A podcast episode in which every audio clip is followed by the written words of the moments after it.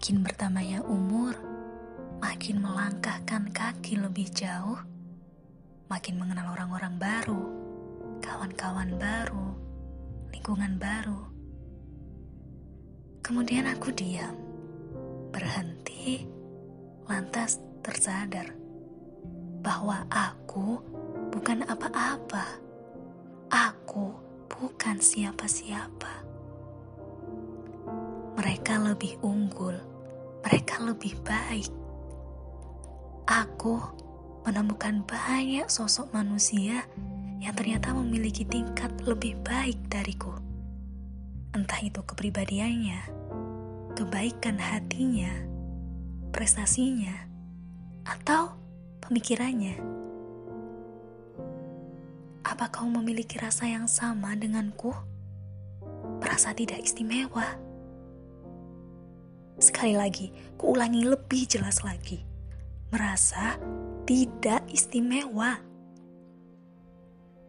Tidak istimewa, memalukan, mengecewakan. Tak apa, biarkan rasa itu ada. Toh, kita manusia yang berhak menerima tiap gejolak rasa. Seburuk apa pun itu, tetap itu menjadi bagian dari kita. Yang perlu aku lakukan adalah menepi, duduk beristirahat, lantas merenung dengan sebaik-baiknya renungan.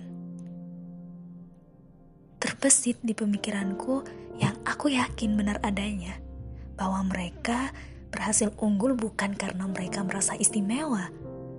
Sebaliknya, mereka menjadi luar biasa karena terobsesi dengan perbaikan berawal dari keyakinan bahwa mereka dalam kenyataannya sama sekali tidak istimewa.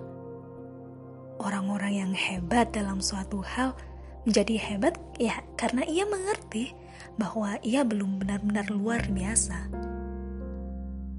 Mereka biasa saja masuk golongan rata-rata, kemudian bisa menjadi lebih baik di tiap langkahnya.